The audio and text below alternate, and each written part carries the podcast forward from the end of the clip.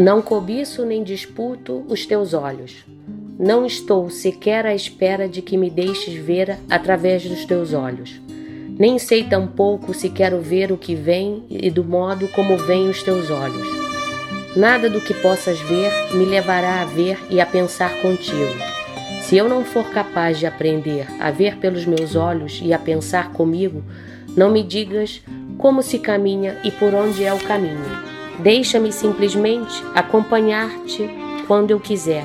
Se o caminho dos teus passos estiver iluminado pelas mais cintilantes das estrelas que espreitam as noites e os dias, mesmo que tu me percas e eu te perca, algures na caminhada certamente nos reencontraremos. Não me expliques como deverei ser, quando um dia as circunstâncias quiserem que eu me encontre, no espaço e no tempo de condições que tu entendes e dominas. Semeia-te como és e oferece-te simplesmente a colheita de todas as horas. Não me prenda as mãos. Não faça delas instrumento dócil de inspirações que ainda não vivi. Deixa-me arriscar o molde talvez incerto. Deixa-me arriscar o barro talvez impróprio. Na oficina onde ganham forma e paixão todos os sonhos que antecipam o futuro, e não me obrigues a ler os livros que eu ainda não adivinhei, nem queiras que eu saiba o que ainda não sou capaz de interrogar. Protege-me das excursões obrigatórias que sufocam o prazer da descoberta e com o silêncio intimamente sábio das tuas palavras e dos teus gestos. Ajude-me serenamente a ler e a escrever a minha própria vida.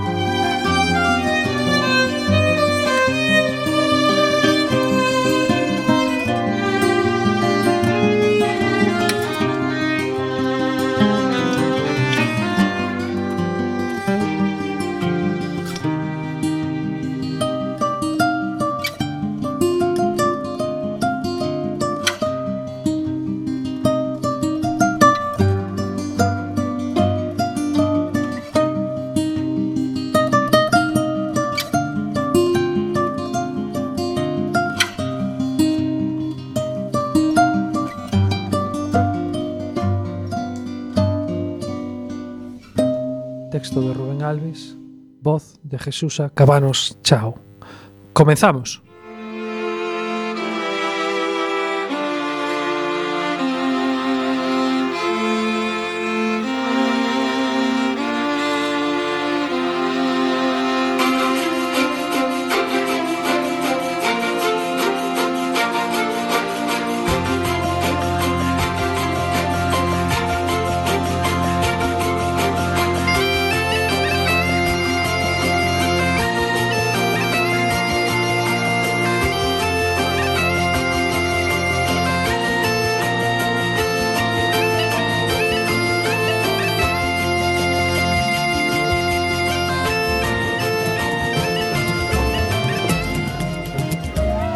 Estades, estamos en Cuac FM, en Peneirando Educación, un programa sociocrítico coa realidade que se está a vivir na infancia e na adolescencia, na educación e na sociedade do século XXI.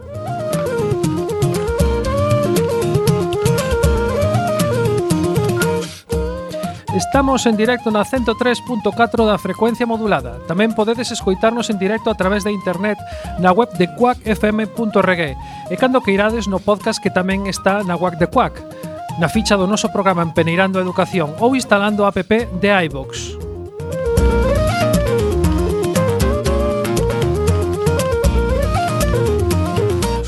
Peneirando os mandos desta nave Marcial Rey.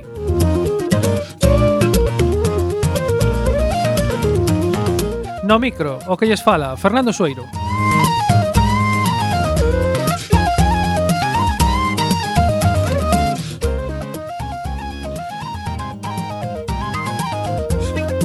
No sumario de hoxe teremos en primeiro lugar a editorial que é Regreso ao Futuro. Despois da de editorial eh, de hoxe, eh, pois teremos un, un pouco unhas unhas partes referidas ás evidencias científicas que nos facilita a neurociencia sobre as relacións e a súa repercusión sobre as potencialidades e a saúde no ser humano. Teremos algunha pinqueira de humor hoxe de, que nos traerá Le Lutiers. Tamén falaremos un pouco o respecto dos medios de comunicación, nós como medio de comunicación e como tratan os ámbitos educativos. Para rematar, teremos un par de alusións eh, a Francisco Mora e a Francesco Tonucci, que van participar no terceiro Congreso Internacional da Educación a finais de febreiro en Santiago de Compostela e para finalizar teremos o proxecto e os desexos para o 2020 de Peneirando. Empezamos co sumario doxe Regreso ao futuro.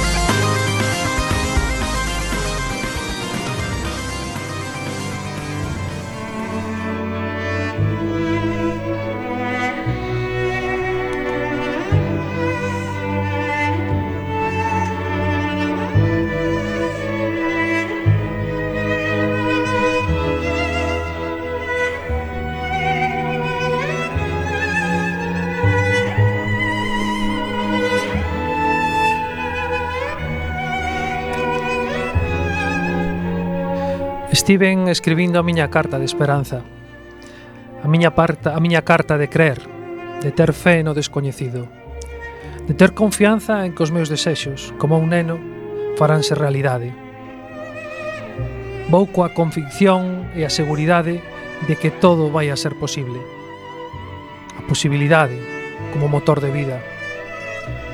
Os nervios, as dúbidas asáltanme durante moitas noites na miña mente Moitas preguntas sen, sobre, sen resposta sobre as que afago as miñas conxeturas, onde aparece dona curiosidade, que me fai explorar os lugares máis inexplorados, na procura de respostas en camiños e sendeiros nunca explorados. Todo foi unha sorpresa para min, lugares inexplorados, que na nosa xeración case ninguén fora quen de atopar porque son raras avis neste deserto desolado da educación, con poucos oasis onde parar a repoñer forzas. O interese vai, vai crecendo por plantar árbores escolas e confeccionar bosques de permacultura educativa, de nutrición común onde uns e outros traballamos conxuntamente para facer sostible en traballo de potenciales nas múltiples intelixencias. Cada vez que explorei, atopei cousas novas no camiño que fan que o interese medre. Desperta, desperta. A ilusión acende as candeas que dan luz á inspiración e á miña implicación. Que queres? Pregunta er-, que retumba facendo eco nas miñas paredes do cráneo. Buscar novos camiños con, para, entre, por outros, para recuperar a ilusión, inspiración e implicación na construción de novos camiños de esperanza. A esperanza perdida porque necesito buscar, necesitamos buscar esa ilusión pola curiosidade, sorpresa, o imprevisto, a incertidume, que sexa como motor perenne que estea continuamente motivando a nosa acción de mediación cos nenos e as nenas. Nesta motivación realicei unha viaxe nunha máquina do tempo que me levou a outro lugar, a outro espazo, a, outra, a outras paisaxes humanas, Unha viaxe que 130 anos atrás, a finais do século XIX, programei para vivir unha situación de liberdades moi precaria, na que se atreven a construir e a xerar unha escola do futuro, unha escola de futuro, sorprendéndome do que vexo no día a día nesta escola e en diferentes escolas repartidas por Madrid, Barcelona, Valencia, no rural, no urbano, O que ali acontece son as accións das que se enchen hoxe páxinas de blogs, de libros, de documentais que tanto nos dan que falar. A escola deste presente futuro é, sería, unha escola na que os nenos non empregan nin empregarían libros de texto, senón os elaboraran ou elaborarían eles mesmos. Unha escola na que os profesores non dictan leccións magistrais, senón que axudan aos alumnos a aprender a través das experiencias, aprender facendo. Unha escola na que os nenos non permanecen nin permanecían pechados na aula, senón que fan, farían excursións e visitas a Cotío porque forma parte das moitas das moitas ao largo do seu propio contexto da escola ou das súas propias cercanías, a lugares de interés para que esa búsqueda activa de coñecemento os levara a facerse novas preguntas. E se iso xa se pensou e se fixo fai cento e pico de anos e non só foi un proxecto, senón que foi unha realidade, onde os principios como despertar a curiosidade do neno, educar no sentido histórico para ver cada realidade actual como manifestación última do proceso, o familiarizarse coas leis da materia, facer excursións ao campo, traballos manuais, practicar a gimnasia e os xogos, ou empregar a música, o canto, as artes plásticas. As imaxes daquelas realidades fai 130 anos eran a de nenos no campo lendo baixo un árbore, tomando o sol nunha terraza, investigando nunha charca o seu biotopo e cun laboratorio de mostras ao lado, nenos conversando no comedor ou xogando no patio, outros escenificando o que eles escribían previamente a través dunha obra teatral, outros pintando un cabaletes a fermosura da natureza, nunha casa adicada aos nenos, con ambientes que eduquen a través das pingueiras de sorpresas acollidas nas pinturas que ali colgaban, nos textos que ali estaban, nos libros que os incitaban. A curiosidade e o interese por coñecer, saber e compartir o descuberto. Frases encumbradas como el conocimiento tiene que construirlo el niño, no tiene que recogerlo construído de los libros. A curiosidade a través da ensonación do mestre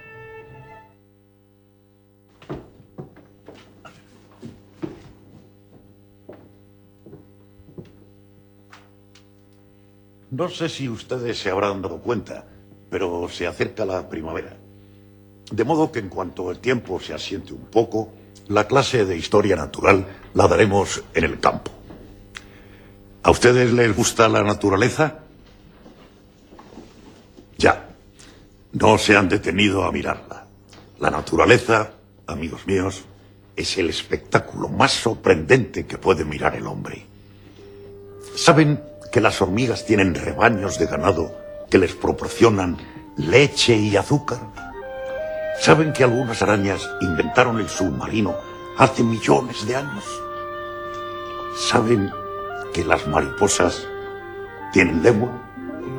La lengua de las mariposas es una trompa como la de los elefantes, pero finísima y enroscada como el muelle de un reloj.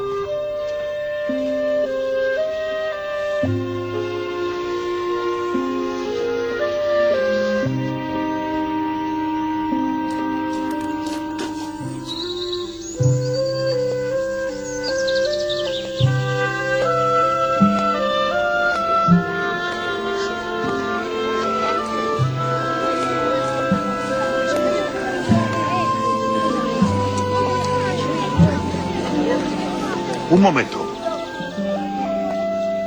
¿Recuerdan lo que les dije de la lengua de las mariposas? Sí, que la tienen como el muelle de un reloj. Eso es. ¿Y para qué? Para poder alcanzar el néctar que las flores guardan en sus cálices. Vamos con cuidado, sin molestarlo. ¿Qué es el néctar? El néctar es un jugo azucarado que segregan las flores para atraer a los insectos. Y los insectos, a cambio de ese manjar, se encargan de sembrar las semillas de las flores. ¡Atención! Ahí tenemos una. Cuando llevan ustedes el dedo humedecido a un tarro de azúcar, ¿no sienten ya el dulce en la boca como si la yema fuera la punta de la lengua? Pues así es la lengua de las mariposas al olor del néctar, la mariposa desenrolla su lengua y así puede alcanzar. E hoy, tras una vida constante... Fun visitando coa miña máquina do tempo diferentes centros e outros chamados experimentais que se abriron para mellorar distintos aspectos da ensinanza, a formación dos profesores, os horarios, os programas, Eles se facían preguntas e buscaban respostas. As respostas eran exitosas na medida en que poideron, pero cun marco de flexibilidade e autonomía que lles permitía estar na procura da búsqueda a través da investigación diaria. Que hai que facer agora?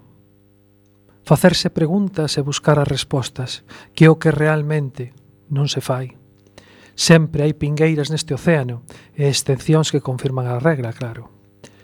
A importancia desta viaxe no tempo era os moitos lugares onde se atopaban camiños compartidos nesta liña e construían un sistema educativo baseado nestas premisas e prioridades, como modus operante habitual nas escolas. Marca de auga que impregnaba a universidade na formación de novos mestres que bebían das mesmas fontes e das mesmas realidades construir unha mirada do mestre entrenada, enclavada e fixada nas potencialidades da infancia, dende as diversas disciplinas, nunha perspectiva inter e transdisciplinar, pero sobre todo dende a consideración da diversidade de cada un e da construción dunha identidade en potenciais, no que o autodescubrimento e o tempo lento para que se produzca era un dos, eixes vertebradores de toda acción educativa o tempo para probar os diferentes traxes que nos dá a vida. O conflicto relacional, a superación de metas, o manexo das frustracións, a ubicación da súa propia conducta, a intelixencia executiva para xerar os seus propios proxectos. Como vos dixen, para velo tiven que ir 130 anos atrás. Regresei desta viaxe pensando que temos que regresar ao futuro dende aquel tempo Este é o meu agasallo, o meu anelo, o meu reto. Como facer regresar o futuro un sistema que xa funcionaba, coas bases dunhas intencionalidades implicadas en perfiles con unha visión vivencial que era de xerar unha nova cidadanía que transformase a sociedade. Eran mestres, mestras, inspiradas, inspirados polos seus predecesores en Europa, e sobre todo por aquilo que se sabía naquel momento, que estaba en sintonía coa infancia, pero sempre nun marco de flexibilidade para seguir camiñando en facerse preguntas e buscar respostas. A ilusión, casi sinónimo de esperanza, por unha idea común e comunitaria de construir ciudadáns comprometidos e saudables nun tempo sen liberdades que buscaban trocar as novas xeracións para que polo menos se poidera transformar este país. Y hoy, tras una vida consagrada a la enseñanza, llega para don Gregorio la hora del retiro. Como alcalde de esta villa y en nombre de todos, autoridades, alumnos y vecinos, quiero manifestarle nuestro reconocimiento y nuestra gratitud por lo que año tras año ha hecho por nuestros hijos, prepararlos para la vida y, sobre todo, forjarlos como ciudadanos. Don Gregorio, amigo mío, usted sabe que no soy hombre dado a los discursos. Todo lo que puedo decirle es gracias, muchas gracias, gracias de todo corazón.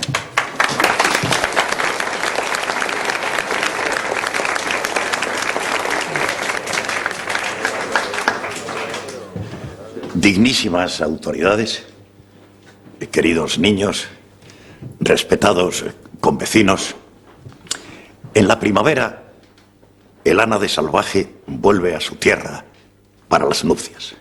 Nada ni nadie podrá detenerle. Si le cortan las alas, irá a nado. Si le cortan las patas, se impulsará con el pico, como un remo en la corriente. Ese viaje es su razón de ser.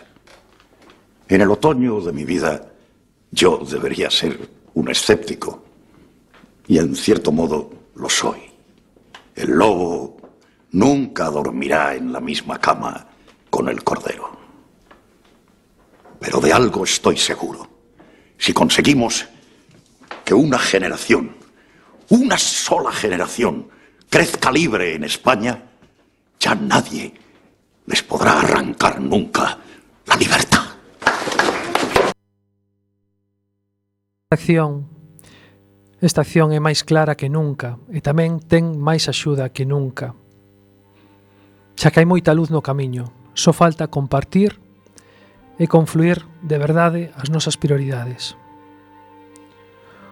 Non só nos preocupa esta situación, senón que tamén nos ocupe o abrir novos camiños e retos que superen a visión actual da escola, para facer e non esquecer que somos referente para as familias e marcamos tendencia na crianza dos, na crianza dos nenos. Por iso, a miña esperanza, a miña ilusión eres ti. Eres a única e o único que dende o convencemento e a persuasión dos que tes ao teu lado podes trocar isto no día a día para que este sistema mude nunha viaxe de regreso ao futuro.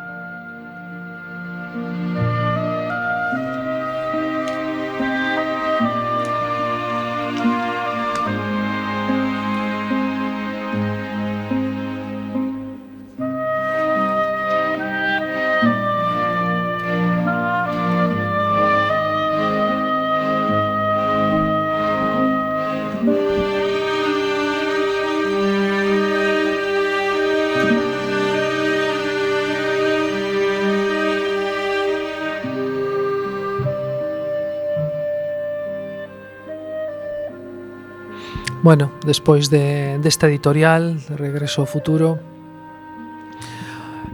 e compartindo con vos que dous dos cortes que escoitache desde dentro deste editorial, pois como seguramente identificache de xa, son pequenos extractos da película baseada no libro de Manuel Rivas A lingua das bolboretas, A lengua das mariposas, e coa voz maravillosa de Fernando Fernán Gómez. Ahora vos vamos a deixar cun pequeno extracto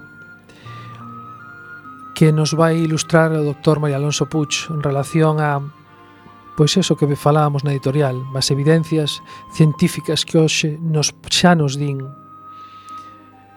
a través da neurociencia, a importancia das relacións e as súas repercusións sobre a evolución das nosas potencialidades e a nosa saúde. Pois deixo co doctor María Alonso Pucho. Cuando al profesor Hanseli del que os he hablado le entrevistaron porque se hizo muy famoso, en una de las entrevistas de radio le hicieron una pregunta normal. Su respuesta fue singular. Estamos hablando de un fisiólogo puro que se pasó 25 años en laboratorios. No estamos hablando de un místico, no estamos hablando de alguien, de un filósofo, no estamos hablando de un gran humanista, hablamos de un biólogo puro. Le preguntaron, profesor Selly, ¿qué es lo que podemos hacer en una sociedad tan distresada? El, distrés es el estrés negativo, como el de Margarita, el que daña. ¿Qué podemos hacer en una sociedad tan distresada para bajarlo? Contestación de Hansely, ganarse el amor de su vecino.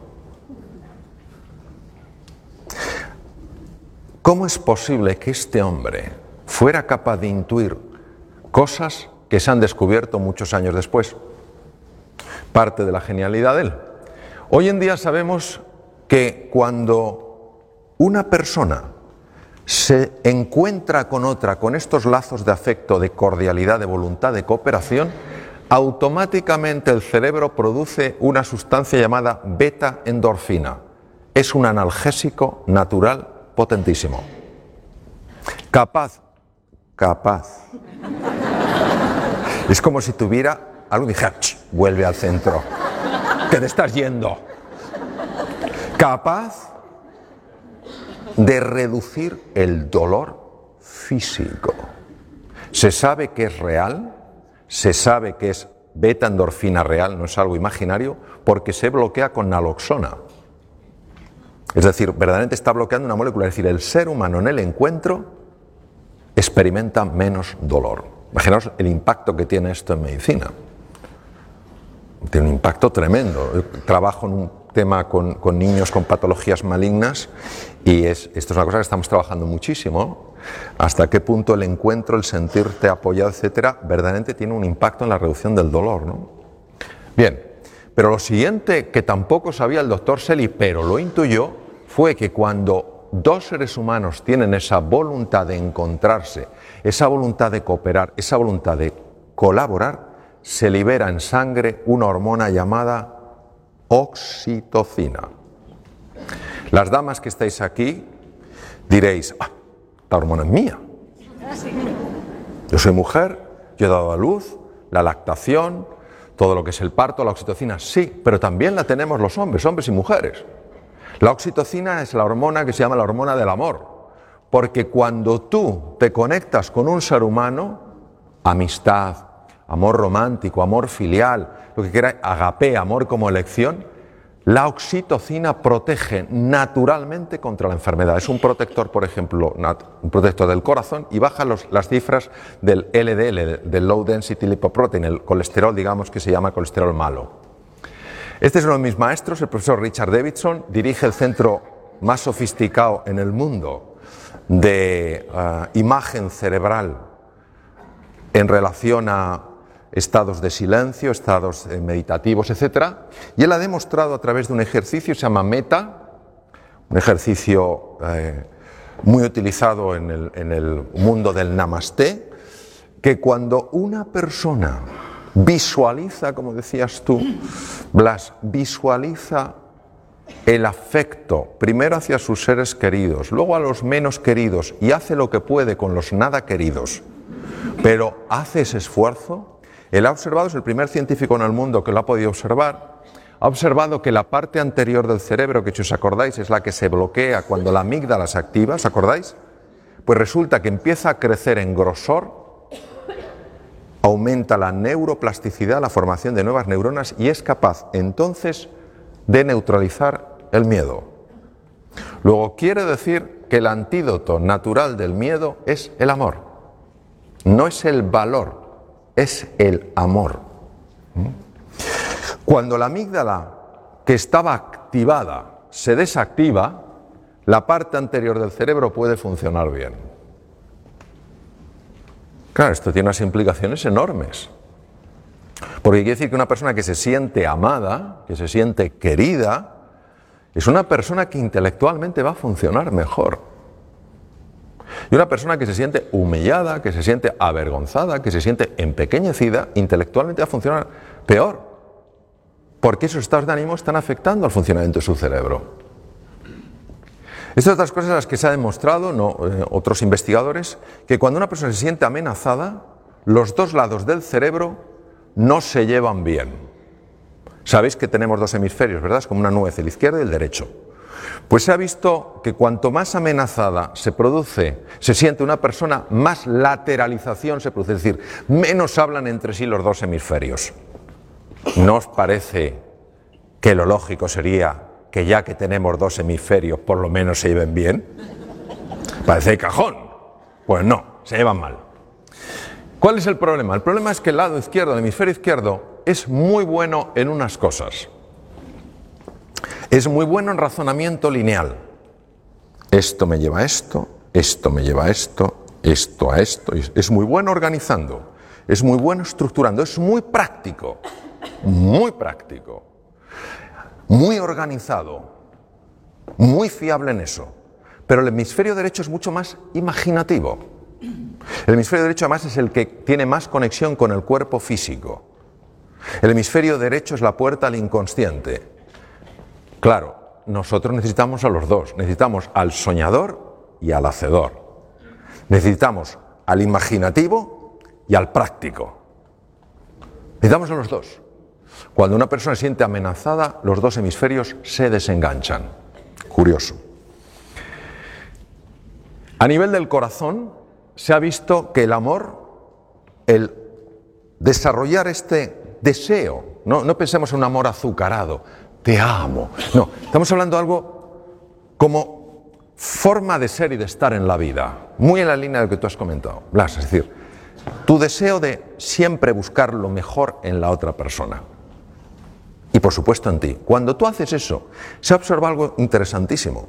Nosotros para ver el ritmo del corazón usábamos el electrocardiograma, pero resulta que es muy vasto para medir la dimensión de la que os voy a hablar. Y ahora existe una metodología mucho más fina que permite ver lo que se llaman las alteraciones finas del ritmo cardíaco.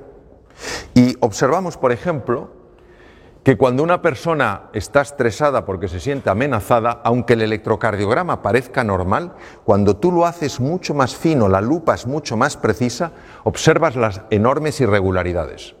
Pero cuando la persona activa el otro sistema, el parasimpático, que es el que se activa en el encuentro, fijaros qué ritmo más curioso toma el corazón. Esto se ha asociado con mayor longitud de vida. Se llama coherencia cardíaca. La coherencia cardíaca hace que el corazón funcione mejor y el corazón tiene su propio cerebro. ¿eh? Emite un campo electromagnético hasta 3 metros de distancia, se ha medido. Está alterando todas las células del cuerpo. Que el corazón funcione así está afectando a todas las células. El sistema parasimpático, que es el sistema del encuentro, opuesto al simpático, no es que el parasimpático sea bueno, es que cuando éste está demasiado eh, eh, activo, ya hemos visto lo que pasa, la sensación de amenaza. Cuando el parasimpático empieza a dominar un poco el juego, aumenta la capacidad de hacer frente a las infecciones, porque se potencia el sistema inmune. Esto es muy importante cara a la enfermedad. Se reduce la producción de radicales libres. Veréis, un radical libre, nosotros sabéis que usamos el oxígeno para producir energía, pero pagamos un precio. Lo mismo que para venir aquí de Alicante ha habido que ir por una carreta de peaje y se paga un precio, y preferías no pagarlo, pero si no pasas por ahí, para poder utilizar oxígeno y obtener energía pagamos un precio. Ese precio es la producción de unas cosas que se llaman radicales libres. ¿Qué es un radical libre? El radical libre es una molécula muy inestable que le falta un electrón y necesita robar el electrón. ¿Cómo roba el electrón? Bombardeando otras células para robarle los electrones. Esto genera muerte celular, daño en pared celular, en membrana celular, envejecimiento temprano y mutaciones. Pues el encuentro, la activación del parasimpático, reduce la producción de radicales libres. Lo que veis ahí en las puntitas de los cromosomas se llaman los telómeros y uno de los descubrimientos más importantes que se han hecho jamás en genética. El telómero se descubrió con microscopía electrónica. En los extremos de los cromosomas, lo que veis en color rojo, no se sabía muy bien lo que hacía. El cromosoma son los cromosomas son como unos estuches donde está el, el ácido, el DNA, el ácido desoxirribonucleico enrollado, el material genético. Cada vez que una célula se divide, tiene que duplicar los cromosomas para que a cada célula hija vaya el mismo número de cromosomas. En ese proceso el telómero se adelgaza. Si el telómero se adelgaza más allá de un cierto nivel, la célula ya no se puede reproducir. Si no se puede reproducir, una vez que esa célula llegue a su tiempo de vida, se muere. Es decir, la base del envejecimiento y la destrucción de los tejidos. Sorprendentemente, observaron que algo misterioso reparaba los telómeros y no sabían lo que era.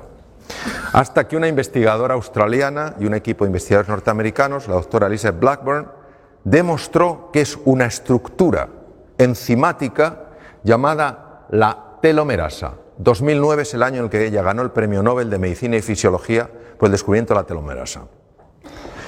Elizabeth Blackburn estudió a madres que tenían niños con patologías cerebrales que exigían una atención constante. Algunas de estas madres tenían la ayuda de eh, sus, eh, sus, maridos, de la comunidad, pero había algunas que estaban totalmente solas haciendo frente a ese desafío. Habían volcado toda su vida en el cuidado de su hijo, de su hija, que había nacido así. ¿Vale? Localizó a estas madres que se sentían solas en su lucha. Les extrajo sangre y midió tamaño de telómeros y cifra de telomerasa. Tamaño de los telómeros era muy bajo, cifras de telomerasa bajas. Esto, la implicación es un acortamiento de la vida. ¿Entendéis por lo que he explicado? Se le ocurrió que a todas esas madres que ella había localizado de motu propio, ponerlas en contacto, para que hablaran, para que pudieran compartir sus penas y sus alegrías, para sentirse comprendidas. De nuevo la presencia del encuentro, del amor. Meses después, Elisa Blackburn volvió a sacarle sangre. Los telómeros tenían longitud normal y la cifra de telomerasa se había normalizado. El centro más importante del mundo de investigación en monos, el mono que se utiliza ahora es el macaco, que es el mono que parece que ha hecho la mili, porque tiene el pelo como rasurado así, ¿sabes?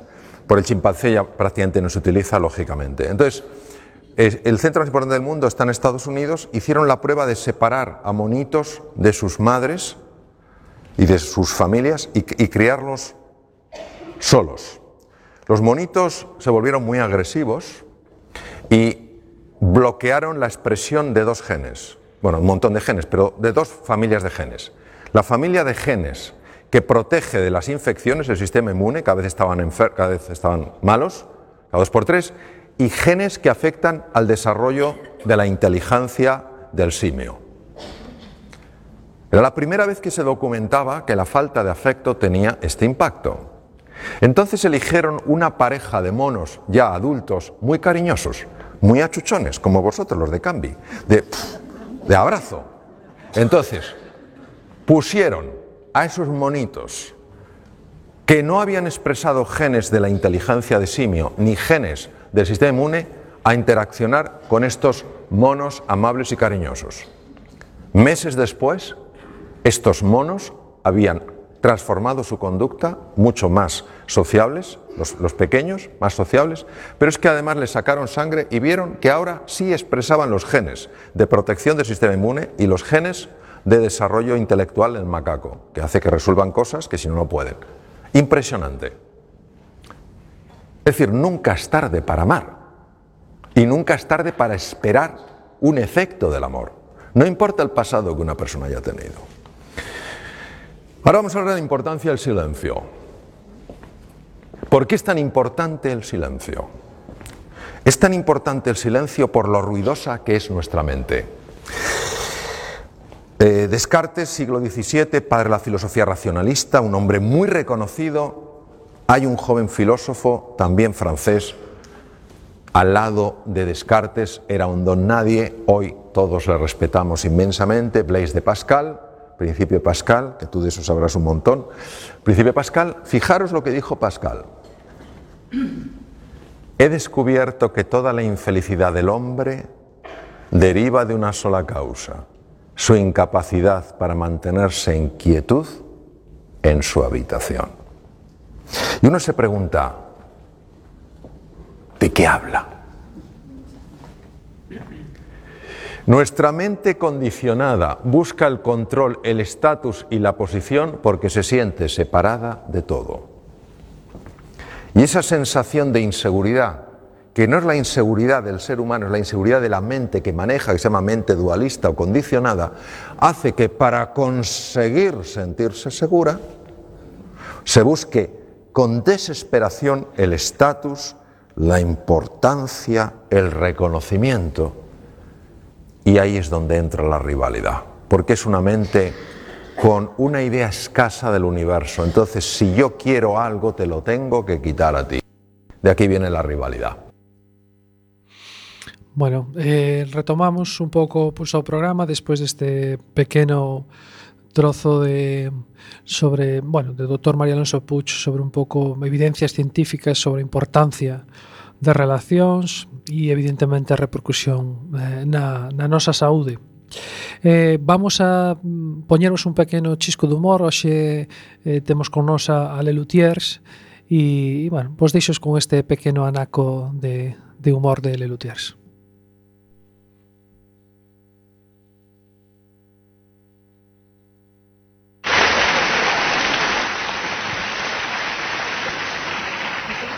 Ah, tenemos esa comunicación. Ah, bueno, menos mal. Vamos a terminar el programa con algo muy lindo para nuestros oyentes, una sorpresa realmente. Sí, estamos en comunicación con Londres. Vamos a conversar con los integrantes de London Inspection. Bueno, digamos, antes que nada, que eh, no fue nada fácil conseguir esta entrevista. Ellos no le dan entrevistas a nadie. Son muy famosos. No, nadie se las pide. Eh, hello, Hello. hello. Hello, sí. Ah, era usted.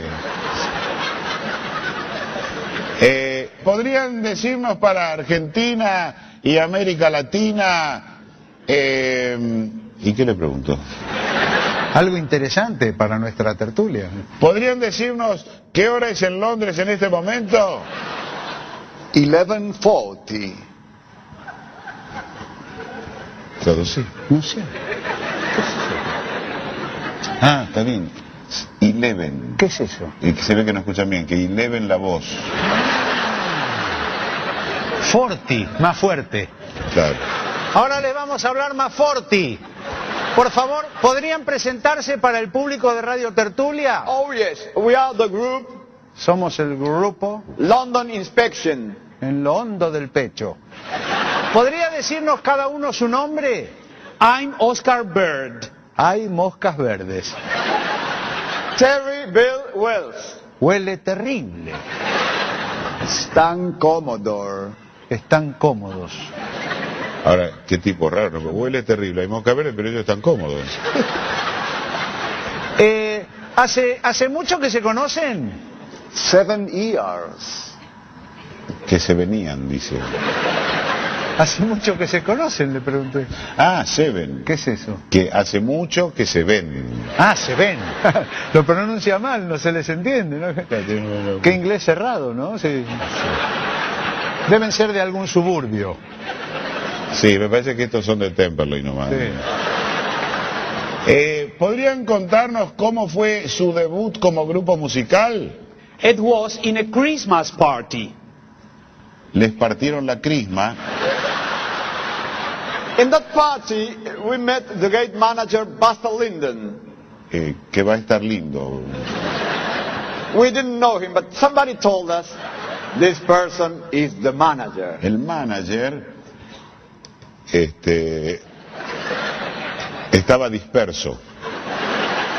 He liked our music very much. Era muy macho.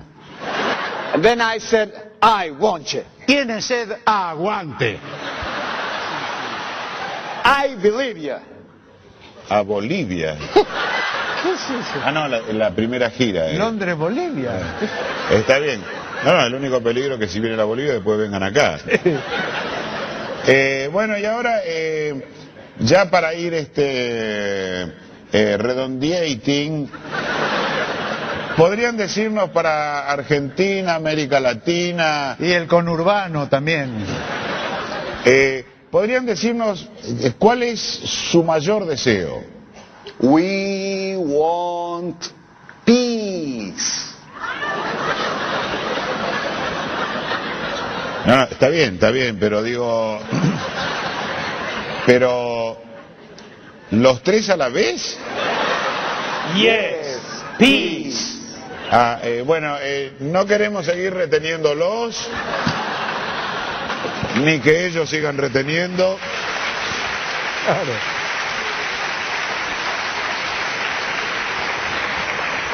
Qué bárbaro nos salió. Es fantástico, estos reportajes así. Qué importante es saber idiomas.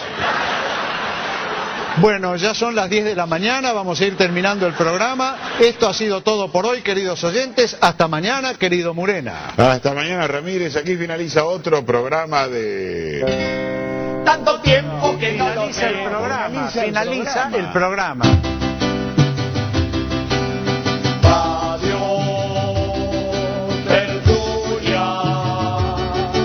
Nuestra opinión y la tulia.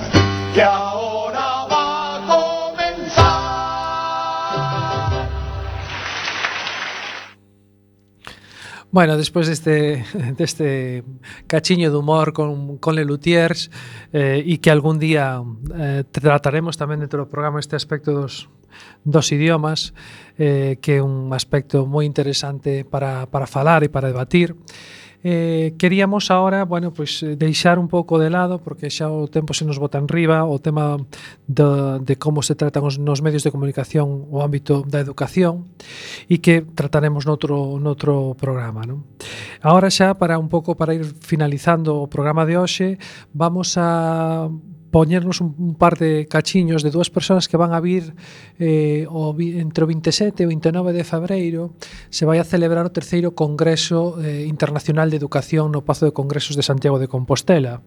E dúas dos, dous dos poñentes que participarán o xoves o 27 eh, pois son dous poñentes que, bueno, que de recoñecido prestixio cada un na súa área e que levan moito tempo cada un na súa parte pois, eh, pois facendo non só traballo eh, a pé eh, de obra, senón pois divulgando e difundindo todo ese traballo a nivel social, non? Como son pois Francisco Mora, e eh, Francesco, Francesco Tonucci, eh, por todos seguramente coñecidos, Francisco Mora no ámbito da da neurociencia, da neuroloxía e máis concretamente toda esta aplicación que se está nestes últimos anos falando con respecto ao ámbito da neuroeducación. Realmente foi dos primeiros que falou deste, deste termo a nivel neuroeducativo e Francesco Tonucci, pois, un pedagogo que leva toda a súa vida no ámbito eh, educativo e nun espí con unha visión moi crítica non só a través das súas viñetas, sino a través dos seus textos e entrevistas. Vos deixo primeiro con Francisco Mora e despois con Francesco Tonucci. En no mucho intentar enseñar sin conocer cómo funciona el cerebro será algo así como intentar diseñar un guante sin nunca antes haber visto una mano.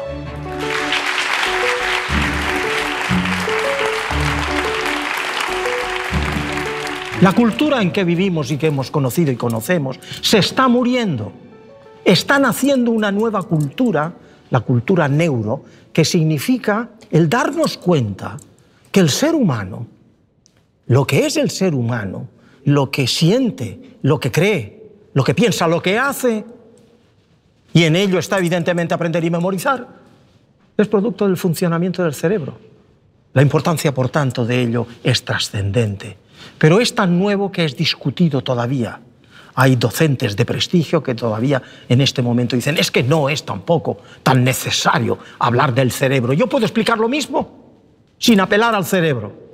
Yo digo que por lo menos la neuroeducación hay que aplicarla ya, aunque solo sea, aunque solo fuere, para atajar, destruir lo que son, y ustedes y vosotros habéis oído hablar de ello, los mitos, neuromitos o falsas verdades. Hoy todo el mundo habla del cerebro, porque es la referencia importante, más allá de la filosofía. Es lo que nos aporta datos constatados. Y cuando hablamos así, hablamos de que podemos hablar de la memoria, del aprendizaje y de la memoria. Podemos hablar, insisto y lo repito, de valores y normas. Pero podemos hablar ya con fundamento de lo que significa y el valor que tiene la atención por ejemplo, el ejemplo más paradigmático del valor que puede tener la neuroeducación es para habernos dado cuenta en un tema tan debatido como es cuándo comienza un niño a leer. ¿A los tres años? Evidentemente no. El niño que sin embargo tarda hasta los siete años, evidentemente no. Se estima por observación que el niño en general de un colegio a los cinco años, seis años ya está listo para aprender a leer, pero no todos. ¿En qué se fundamenta ahora que la neurociencia neuroeducación pueda decir algo? En que sabemos que áreas fundamentales del cerebro, como es el área 23 y 44, en fin, áreas de Brodmann, ciertas áreas del cerebro, la, la corteza parietal posterior y la temporal superior, hay ahí un área en donde la esencia de la lectura está en transformar el grafema en fonema. Si eso no ocurre, se lee muy mal o cuesta mucho. O hay que acudir a expandir los circuitos en otras áreas que cuesta sangre, que quiere decir castigo, quiere decir desazón, quiere decir malestar del niño al aprender. Y aprender algo, si hay que aprenderlo bien, hay que hacerlo con alegría. ¿Qué es cuando se aprende? Es cuando te da gusto. Eso se logra en la lectura a partir de los 6-7 años. ¿Por qué? Porque esas áreas ya sabemos ahora que han terminado de formarse los circuitos sinápticos y además aislar los axones con mielina para que la información vaya con nitidez. A enseña a un niño de siete años a leer y te lo hace en tres semanas. El profesor, el maestro dice, bueno, el libro que habéis leído tenéis que ser un resumen del primer capítulo, una ficha sobre el protagonista y buscar diez palabras difíciles. Y la niña lo mira y dice, y, pensar que me había gustado. Bueno, esto es la gran denuncia que yo llevo. Leer es uno de los regalos más grandes que la escuela puede hacer a nuestros hijos. Después de algunos años de escuela tenéis que evaluar cuántos son vuestros alumnos que por regalo a los padres piden un libro. Estos son los niños que aprendieron a leer. Leer para descifrar textos no me interesa. Es una banalidad. En Italia es impresionante, hay un porcentaje muy alto, creo más del 50% de la población que no lee ni un libro al año. Y todos pasaron por la escuela, por lo cual todos aprendieron a leer, no aprendieron a leer. Aprender a leer significa aprender a gozar de la lectura, a necesitarla. Esto, por ejemplo, a mí ya sería suficiente. Y digo siempre, si pasáis a los niños la gana de leer. No pido más, porque si le falta algo lo van a buscar. Y con esta misma actitud me gustaría que pasaran los otros temas. La escuela sigue teniendo un abanico demasiado estrecho de propuestas. La propuesta de la escuela más o menos es lengua, matemática, ciencias y poco más. Y de toda manera, también si hay algo más, no cuenta. El éxito escolar se decide sobre estos, o casi solo sobre dos, matemática y lengua. Un, alumno que tenga buenas notas en matemática y lengua no tiene peligro que tenga problemas. Esto prácticamente... Bueno, Eh, estamos rematando o programa e non queremos rematar sin eh, trasladarvos os nosos proxectos e desexos para o ano 2020 dende Peneirando. Os nosos desexos para este 2020 é o de falar pouco, escoitar moito a diferentes persoas, a diferentes asientes sociais que están en contacto coa infancia e adolescencia e dende diferentes ámbitos, non só dende o escolar. E sobre todo poder escoitar a familias e a nenos e nenas e adolescentes, Este é un dos, dos nosos grandes obxectivos, poder falar con axentes protagonistas das vivencias que teñen neste século XXI. Para isto imos a ir á rúa, a preguntar por todas estas temáticas que imos falando dende o inicio do programa, centrándonos sobre todo no ámbito relacional. As relacións, os encontros, as comunidades sociais, na escola, na familia, no barrio e na rúa. Para isto precisamos da vosa axuda. Non queremos ser un medio para dar amplitude nós queremos ser un medio para dar amplitude ás vosas mensaxes e á realidade que acontece no día a día. Por iso, facémosvos un chamamento para que contactedes con nós e poidamos facer proxectos de altavoz, de difusión productiva, que nos permitan sensibilizar, concienciar para actuar. En este segundo verbo está a posibilidade de cambio, na acción. Como día a día, na nosa, como día a nosa sintonía principal, action, É o que nós queremos facer. Motivar, fomentar e dinamizar, e dinamizar accións que nos permitan sumar vontades e coñecementos para persuadir aos diferentes grupos sociais que é posible que é posible tocar as pequenas cosas do cotián. Pequenas cousas que ao final son grandes cousas, que mudan as formas e maneiras de interactuar cos nenos e nenas e cos adolescentes, dendo o entendemento do que están a vivir na súa realidade e no momento de desenvolvemento no que se atopan nas súas peculiaridades.